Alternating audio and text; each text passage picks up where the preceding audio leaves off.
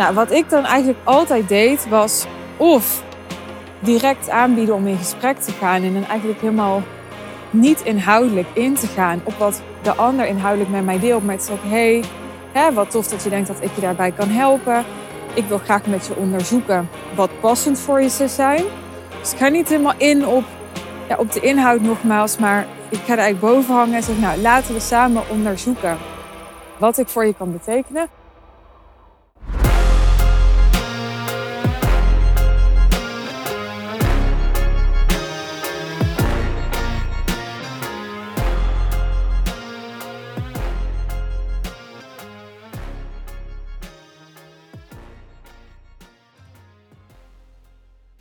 Terwijl ik heerlijk buiten in de zon loop met Abby, mijn hondje, ga ik het in deze podcastaflevering met jou hebben over een, uh, een thema, een onderwerp waar ik het uh, laatst met een klant van me over had. Namelijk, wat doe je als je in contact bent met een potentiële klant die al heel veel op orde heeft, die al heel goed weet wat hij of zij wil en ook hoe hij of zij dat aan wil gaan pakken. En die eigenlijk nog maar op een, ehm, ja, een, een heel specifiek punt jouw hulp vraagt. Die niet zo heel erg veel meer nodig lijkt te hebben van jou. En dit werkt twee kanten op. Het kan zijn dat jij tot de conclusie komt dat deze man of deze vrouw uh, niet zoveel meer van jou nodig heeft. Omdat jij mogelijk je een beetje geïntimideerd voelt, bijvoorbeeld door wat iemand doet of al heeft gedaan, hoe iemand ja, zijn bedrijf of een andere situatie waar jij hem of haar mee helpt al goed op orde heeft. Maar het kan ook zijn dat jij juist ziet dat die ander echt nog wel veel hulp van je zou kunnen gebruiken dat er echt nog heel veel voor iemand zou kunnen betekenen. Maar dat hij of zij zelf zich opstelt als, nou, hè, uh, ik heb uh, ja, A tot en met, uh, wat zullen we doen? A tot en met X. ik moest even nadenken. A tot en met X, nou, dat heb ik niet meer nodig. Dat lukt allemaal wel. Maar ik wil wel even I en Z met je doen. Of I en Z met je bespreken. Of I en Z van je horen. Herken je dit? Ik vind het leuk om van je te horen of je dit herkent. Dus je spreekt iemand en hij of zij zegt misschien niet expliciet zelf. Nou, ik heb het allemaal niet meer nodig. Maar die vraagt naar iets specifieks en jij trekt de conclusie van, nou, hè, kan hem of haar wel hiermee helpen. Maar ja, mijn hele programma of mijn hele traject, nou, dat, dat is een beetje overdreven. Want ja, ik, ik weet niet of ik wel een heel jaar bijvoorbeeld met hem of haar zou kunnen vullen. Want ja, het is maar zo'n zo'n specifieke, afgebakende hulpvraag die hij of zij stelt. Dat zou kunnen. Maar het kan dus ook zijn dat jij juist denkt. Ik val een beetje in herhaling, maar ik gebruik nog even andere woorden, want soms helpt dat om iets anders te laten landen bij je. Het kan dus ook zijn dat jij denkt van, nou, ja, zij denkt wel dat, hè, dat, dat dit plan helemaal gaat worden, maar volgens mij onderschat hij of zij echt gigantisch welke vraagstukken hij dan nog tegen gaat komen, of zij dan nog tegen gaat komen. Dat kan ook. En dat, uh, ja, dat, dat je eigenlijk aan het zoeken bent, misschien ook wel met jezelf in discussie bent over, ga ik nou hè, die persoon ervan overtuigen dat hij een veel groter probleem of veel groter vraagstuk heeft dan hij of zij denkt? Hè, ga ik nou ja, proberen een soort ingang te zoeken om uh, toch mijn aanbod te kunnen doen? Of heb ik zoiets van, nou ja, la maar. Weet je wel, als iemand het zelf niet ziet, als iemand zelf niet wil, als iemand zelf niet bij mij komt. Nou, er zitten dus al allerlei variaties in de situatie die ik net omschrijf. En uh, ik heb het vaker gezegd, ook dit vaker gezegd, maar ik ga het toch nog een keer halen. Dat is wat ik juist zo interessant vind aan high-level sales dat er zo ontzettend veel variabelen zijn en dat elke situatie anders is, dat elk verkoopgesprek anders is, elk verkoopproces anders is, omdat elke ja, potentiële klant anders is, omdat jij op een andere plek staat in je ondernemerschap. Je hebt misschien een nieuw aanbod. Misschien heb je juist een, een heel doorgewinterd aanbod. Je hebt misschien net een pivot gemaakt. Of je bent misschien net juist ja, veel um, kritischer aan het kwalificeren. Elke periode staat weer zo op zichzelf. En elke dynamiek die je kunt hebben met de potentiële klant staat weer zo op zichzelf. Dat elk gesprek, ook voor mij nog steeds. En ik heb echt, nou ja, ik ben de tel kwijt. Maar ik moet echt meer dan duizend gesprekken gevoerd hebben sowieso over een high-end aanbod. En nog steeds vind ik het super interessant om te onderzoeken in zo'n gesprek, in zo'n proces. Wat gebeurt hier nou? Wat heeft die ander nou nodig? Wat doe ik? Hè, wat, ja, wat is wijs? Wat wil ik oefenen in dit proces? Want we blijven altijd een leerling, dus wat wil ik oefenen? Maar ook, ja, wat, waar doet deze dynamiek of waar doet deze liep me aan denken? En wat wil ik anders doen dan de vorige keer dat ik in zo'n dynamische situatie zat? Zijn niet dingen waar ik altijd met mijn volle bewustzijn over nadenk, maar die wel allemaal uh, in het onderbewuste sowieso voorbij komen. En uh, ja, waar ik echt geboeid door blijf, is nog steeds een van mijn favoriete onderwerpen. Nou, wat um, regelmatig voorkomt, is dat een potentiële klant contact met je opneemt en dat hij vraagt: kan je ook dit doen? Kunnen we ook alleen dat doen? Kan ik ook korter met je werken? Ik heb hier alles een podcastaflevering over opgenomen. Het is echt lang geleden, dus ik, ja, ik vind het prima om er nu weer een aflevering over op te nemen. Want ik zeg nu ongetwijfeld weer net andere dingen en ik heb weer net een andere invalshoek gekozen. Maar het komt dus regelmatig voor dat, zeker naarmate je ja, wat hoger in de boom komt, een hoger niveau klant gaat aantrekken, dat je potentiële klanten hebt die zelf leiders zijn en die gewend zijn om de leiding te nemen en die met de allerbeste bedoelingen, dus ook in het contact met jou, geneigd zijn om te zeggen, nou, volgens mij heb ik dit nodig of ik wil graag dat. Of hè, we hebben met elkaar besloten, als het bijvoorbeeld om een team gaat, een grotere organisatie of misschien uh, ja, compagnons, uh, management, whatever. Dat we graag zo'n soort traject willen inzetten. en dan beroepen ze zich natuurlijk op wat ze kennen, waar ze over hebben gehoord, wat ze eerder hebben gedaan. En dan komen ze met die hulpvragen bij jou.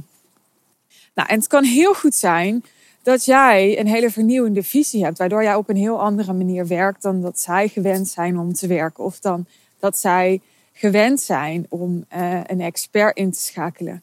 En het kan ook zijn dat ja, jij bijvoorbeeld een uh, langer traject aanbiedt waar jij in een niche werkt waar ze nog erg gewend zijn om ja, bijvoorbeeld met dagvies te werken, met losse trainingen te werken, met losse sessies te werken. Dat zal allemaal kunnen. En in al die situaties komt jouw lied dus met bepaalde verwachtingen naar jou toe. En is de uitdaging voor jou, en misschien heb hier al heel veel mee geoefend, heb hier al veel ervaring in. Maar ja, every level has its new devil, zeggen ze altijd. Dus als het goed is, ben je eigenlijk continu jezelf aan het uitdagen met zo'n hoger niveau klant. En dan zul je zien dat je dus ook steeds weer andere taal nodig hebt en een andere invalshoek nodig hebt om ervoor te zorgen dat die ander jou voldoende vertrouwt om zich door jou te laten leiden. En um, ja, elke keer, dat is wat ik wilde zeggen, is dus weer de uitdaging.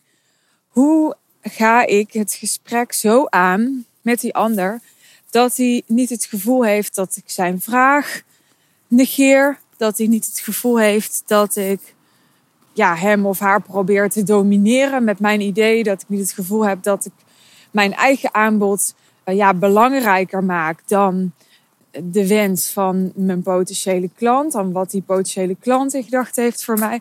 Dat is elke keer weer de uitdaging.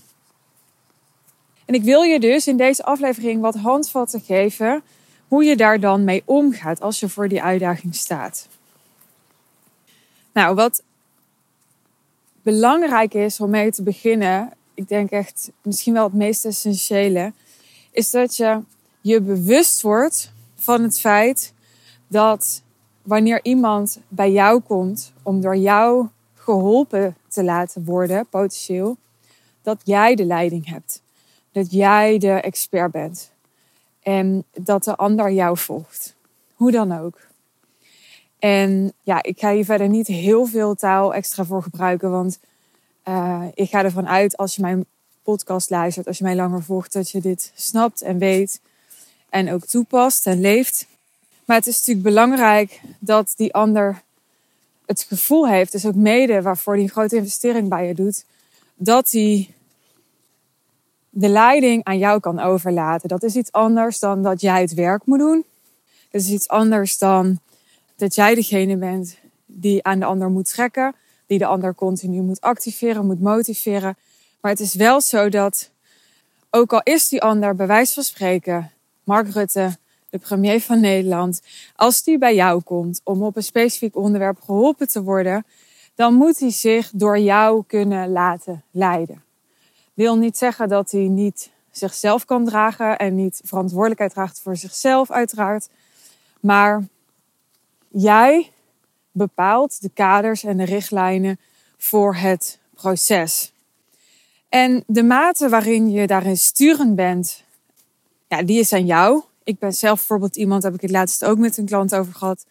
Ik ben best wel heel vrij in mijn samenwerkingen. En dat vinden sommige klanten ongemakkelijk. Dus soms dan zeggen klanten tegen mij, ja, ik had misschien verwacht of gehoopt dat jij meer met een soort stappenplan zou komen, meer met een uitgedachte strategie zou komen van hè, dit is wat we gaan doen en dit is wat werkt.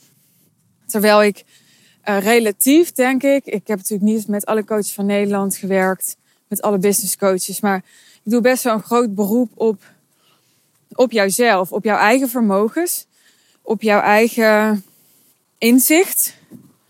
En met inzicht bedoel ik niet dat jij degene moet zijn die uit zichzelf al inzicht heeft in jouw probleem of jouw behoefte of jouw vraagstuk. Want ik snap heel goed dat je daarvoor bij mij komt en daarvoor bij mij investeert.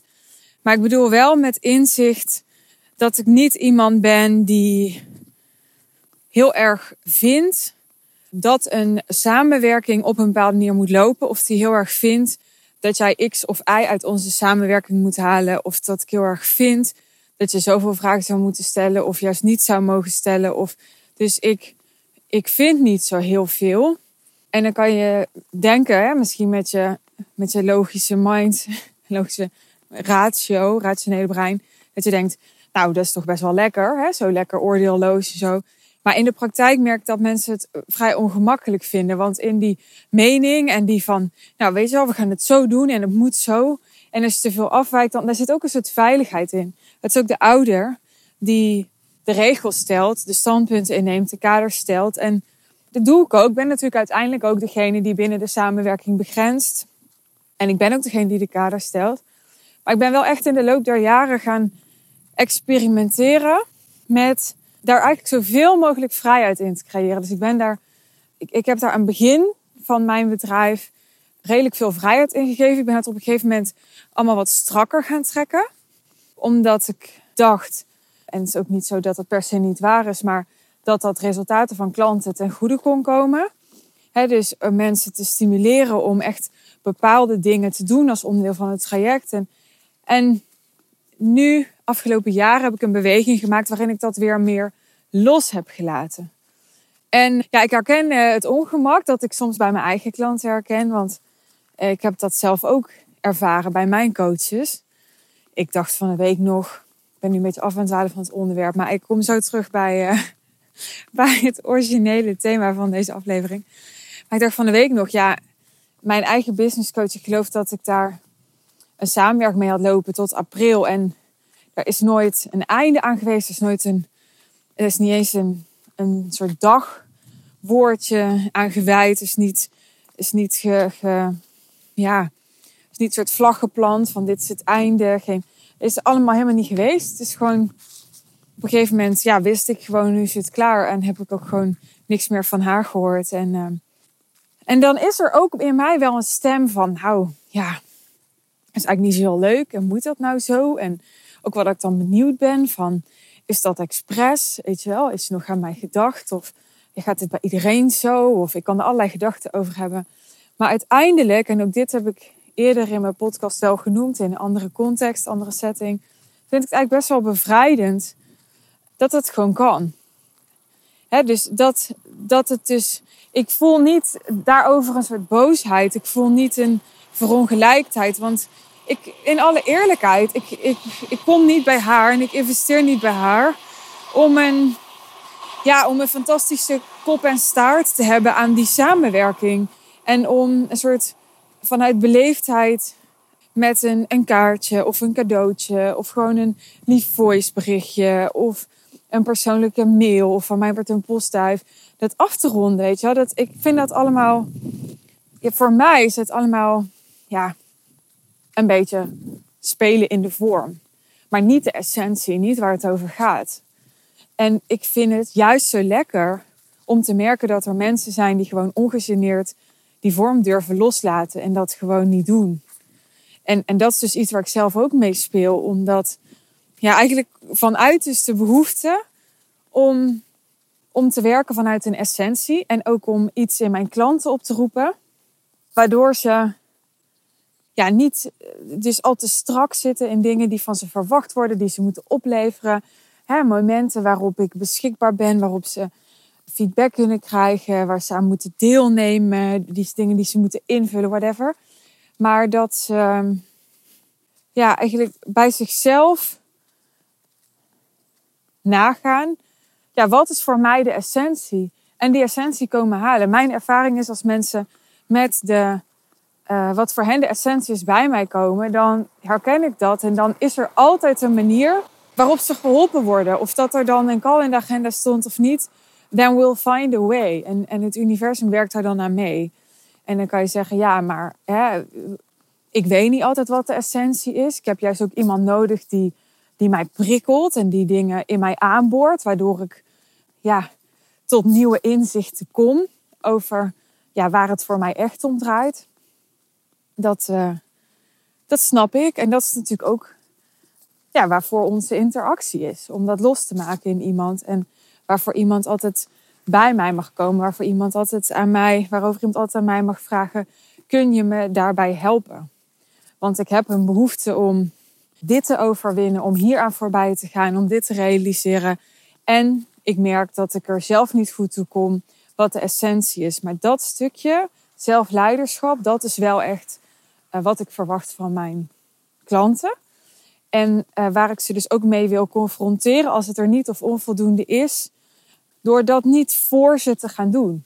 Dus op het moment dat dat niet zelf ontstaat, nou dan ja, dan denk ik, dan is het goed voor een klant om geconfronteerd te worden met het ongemak, uh, dat hij dan even dat leiderschap mist. Want uh, ja, wat doe je daar dan mee? Dat is interessant. Je mist iets. Hoe ga je dat oplossen? Hoe ga je dat regelen voor jezelf? Hoe ga je dat bij mij halen of bij jezelf halen? Of hoe ga je dat doen? En hoe ga je daar eventueel het gesprek over aan als je er hulp bij nodig hebt? Dat is allemaal heel interessant, vind ik. Maar goed, een potentiële klant die dus ja, zelf een heel ander idee heeft bij zijn of haar hulpvraag en bij het aanbod dat hij van je wil kopen dan dat jij dat aanvankelijk hebt. En de leiding, daar was ik. Dat jij de leiding hebt, dat je daar bewust van bent. Nou, als je dat bewustzijn hebt, dan betekent dit ook dat, dat het ja, relatief natuurlijk voor je moet voelen om als iemand bij je komt, en dat kan met een chatberichtje zijn en dat kan met een aanvraag en dat kan met een aanvraag via je website zijn, dat kan met een e-mail zijn. Om een berichtje terug te sturen en te zeggen, hè, laat ik even uitgaan van zijn chatbericht. Ik kan natuurlijk niet ja, een heel verhaal delen over alle variabelen die er mogelijk zijn, want dan wordt het een hele lange aflevering. Maar stel, je krijgt een chatbericht van iemand die zegt, hey, hè, ik heb eigenlijk behoefte aan dit of dit. Kan je daar ook bij helpen? Hè? Want ik denk dat ik dit of dit niet nodig heb, maar ik denk wel dat jij heel goed kan helpen bij zus en zo. Nou, wat ik dan eigenlijk altijd deed, was of direct aanbieden om in gesprek te gaan en dan eigenlijk helemaal niet inhoudelijk in te gaan op wat de ander inhoudelijk met mij deelt, maar te zeggen: hey, wat tof dat je denkt dat ik je daarbij kan helpen. Ik wil graag met je onderzoeken wat passend voor je zou zijn. Dus ik ga niet helemaal in op, ja, op de inhoud nogmaals, maar ik ga er eigenlijk boven hangen en zeg: Nou, laten we samen onderzoeken wat ik voor je kan betekenen. Dan nodig je iemand uit voor een gesprek en dan ga ik volgens mijn sales script, wat je mogelijk van me hebt als je bijvoorbeeld bij mijn high level sales event bent geweest ooit, dat hoop ik voor je, ga ik het gesprek voeren. Nou, waar ik ook voor kan kiezen is om dat gesprek volgens dat high-level sales script al enigszins te gaan voeren via dus een, een chatconversatie. Dus om in de chat al te sturen, hey, wat tof. Is het oké voor jou als ik je een aantal vragen stel over jouw situatie, zodat we samen kunnen onderzoeken of dat ik de aangewezen persoon ben voor jou om je te helpen. En dan ga je wat vragen die je anders mogelijk in zo'n call zou stellen, al in je chat conversatie stellen. En dan, uh, ja, dan ga je aftasten of het zinvol is om vervolgens alsnog een call in te plannen. Maar op die manier uh, kun je nog iets beter filteren of dat die ander warm genoeg is en investeringsbereid genoeg is en gecommitteerd genoeg is, de juiste mentaliteit heeft om jouw klant te worden, om zich te committeren aan jouw aanbod, maar vooral zich te committeren aan um, dat wat er nodig is om hele goede resultaten te gaan halen met jouw hulp, met jouw begeleiding.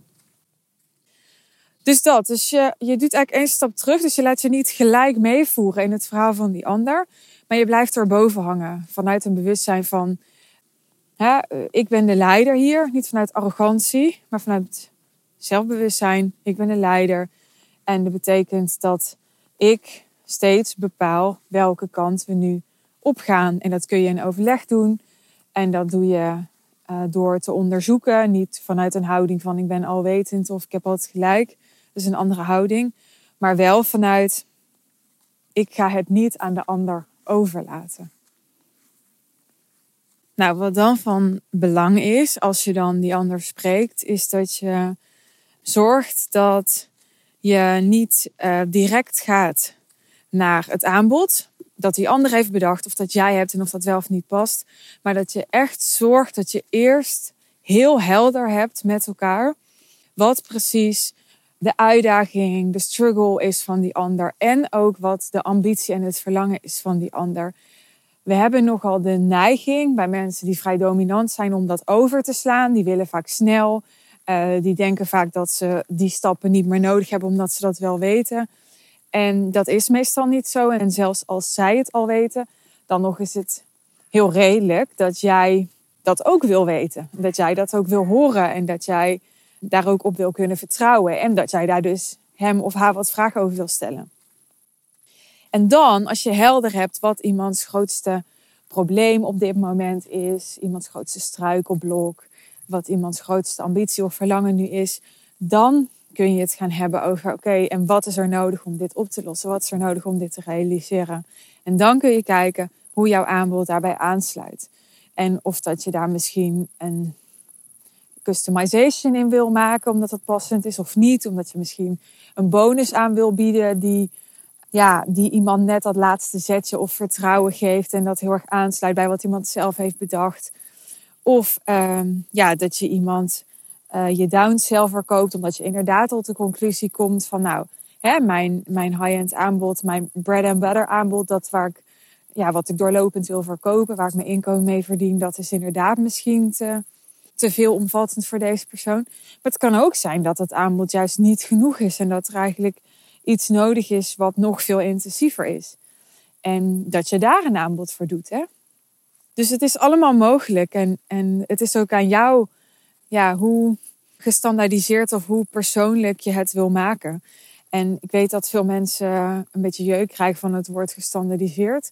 Alsof je dan dus iemand in een soort ja, mal giet waar die in moet passen van iets wat jij toevallig hebt bedacht. Dat is natuurlijk niet iets wat we lekker vinden om te verkopen. We willen juist het gevoel hebben dat als we iemand uh, een aanbod doen en hij of zij betaalt ons heel veel geld, dat het dan natuurlijk echt ja, um, past als een, uh, hoe noemen ze dat? Een fluwelen handschoen, zo'n aanbod. Maar uh, gestandaardiseerd wil niet zeggen dat het niet persoonlijk is, dat het niet verbindend is, dat het niet uh, volledig relevant is. Dat, dat kan allemaal naast elkaar bestaan. Hè, dus je kan en je aanbod zo standaardiseren dat je dus met jezelf afspreekt, met je team afspreekt en als bedrijf bepaalt: oké, we doen elke maand een call. Maar wat je dan in zo'n call met een klant doet, dat kun je natuurlijk helemaal afstemmen op wat die klant nodig heeft. dus um, ja, wat mij betreft kan op maat samengaan met standaardisatie. Maar natuurlijk is er een overtreffende trap van op maat. En is nog meer op maat. Dat je ja, samen bepaalt, oké, we doen niet elke maand een call, maar we doen elke twee weken een call. Of we doen niet een call, maar we doen live sessies. Of we doen niet live sessies, maar we doen, uh, ja, wat kun je nog meer bedenken? We doen uh, meeloopdagen. Je kan natuurlijk van alles bedenken wat jij dan ook maar passend vindt. Oké, nou, dat is dus scenario 1. Het scenario waarbij uh, ja, die ander eigenlijk iets, iets kleiners of iets beperkters, dus aanhalingstekens, in gedachten had dan dat juist ondernemer in gedachten had voor hem of haar. Nou, als het nu andersom is en die ander wil wel, maar jij hebt met je twijfels over, ja, hè, uh, kan ik wel genoeg bieden met het aanbod aan die ander of moet ik gewoon iets kleins doen? Want ja, dan weet ik zeker dat ik wel genoeg kan leveren, maar ja, als je een beetje geïntimideerd bent van een potentiële klant en je moet er dan een jaar mee werken, dan kan je nog wel eens het gevoel hebben, de angst hebben dat je zo'n klant helemaal niet een jaar bezighoudt of een jaar boeit. dat vinden we spannend. Nou, als je dat wel eens tegenkomt, dan um, zou ik uh, eigenlijk zo snel mogelijk, als je dat signaleert bij jezelf, als je daar bewust van wordt, daar even innerlijk werk op doen. En daarop gaan journalen bijvoorbeeld. En nagaan, wat ben ik hier aan het geloven? Het is niet voor niks dat je er bewustzijn op hebt. Je hebt blijkbaar waargenomen dat, er, dat je een soort ongemakkelijk gevoel hebt. Dat er iets niet klopt of zo. Of, uh, nou, dat neem je dan waar. En dan denk je, oké, daar ga ik mee zitten. Ik ga um, onderzoeken wat hier precies aan de hand is. Want vaak op het moment dat we signaleren bij onszelf van... Hmm, ik voel me niet lekker, er is iets ongemakkelijk. Ik, ik, ik, ja, ik ja, ik, ik neem wat negatieve emoties waar bij mezelf, dan hebben we nog niet volledige helderheid over waar dat door komt of wat er speelt. Dus ga dat onderzoeken en kijk welke overtuigingen zitten daaronder. Welke overtuigingen maken dat je die emotie ervaart.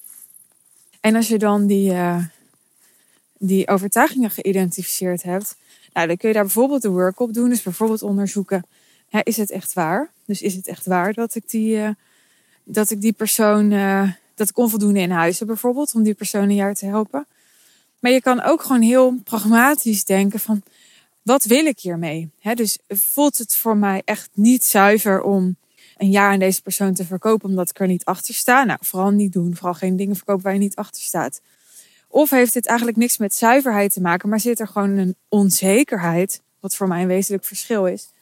Dus um, je denkt dat je het wel kan. Dat je genoeg te bieden hebt aan zo'n klant. Maar je bent er ook onzeker over of het wel echt zo is. Want het is bijvoorbeeld een heel ander type klant dan je gewend bent. Je hebt er nog geen ervaring mee. Dus ja, niet gek dat je er dan wat onzekerheid bij voelt. Want je hebt nog niet de bevestiging gehad in de praktijk. Dat je voldoende kan betekenen voor zo'n klant. Om die klant een jaar uh, te boeien. En een jaar te helpen groeien. En dan kun je jezelf afvragen: oké, wat wil ik daarmee? Wil ik deze kans aangrijpen om die angst te overwinnen? Of wil ik dat niet, omdat vrij dan ook? Mag ook, hè? Ik bedoel, het is jouw leven. Je bent ondernemer, je bent vrij. You're. Je hoeft niks te bewijzen aan niemand. Dus je mag om vrij dan ook zeggen, nou, dit is me even een brug te ver. En uh, ik verwijs die persoon door of ik doe een downsell of wat dan ook. Dat mag je altijd doen. Maar waarschijnlijk luister je naar deze podcast omdat je van uitdaging houdt. En omdat je ergens ook voelt dat je die uitdaging nodig hebt om zelf aangewakkerd te blijven. Om zelf ja, je gedreven te blijven voelen. Om je vuur te blijven voelen. Om je verbonden te voelen. Te, verbonden te blijven voelen met wat er mogelijk is voor de wereld, hè, volgens jouw visie. En dan is dit dus eigenlijk ook wat je zoekt.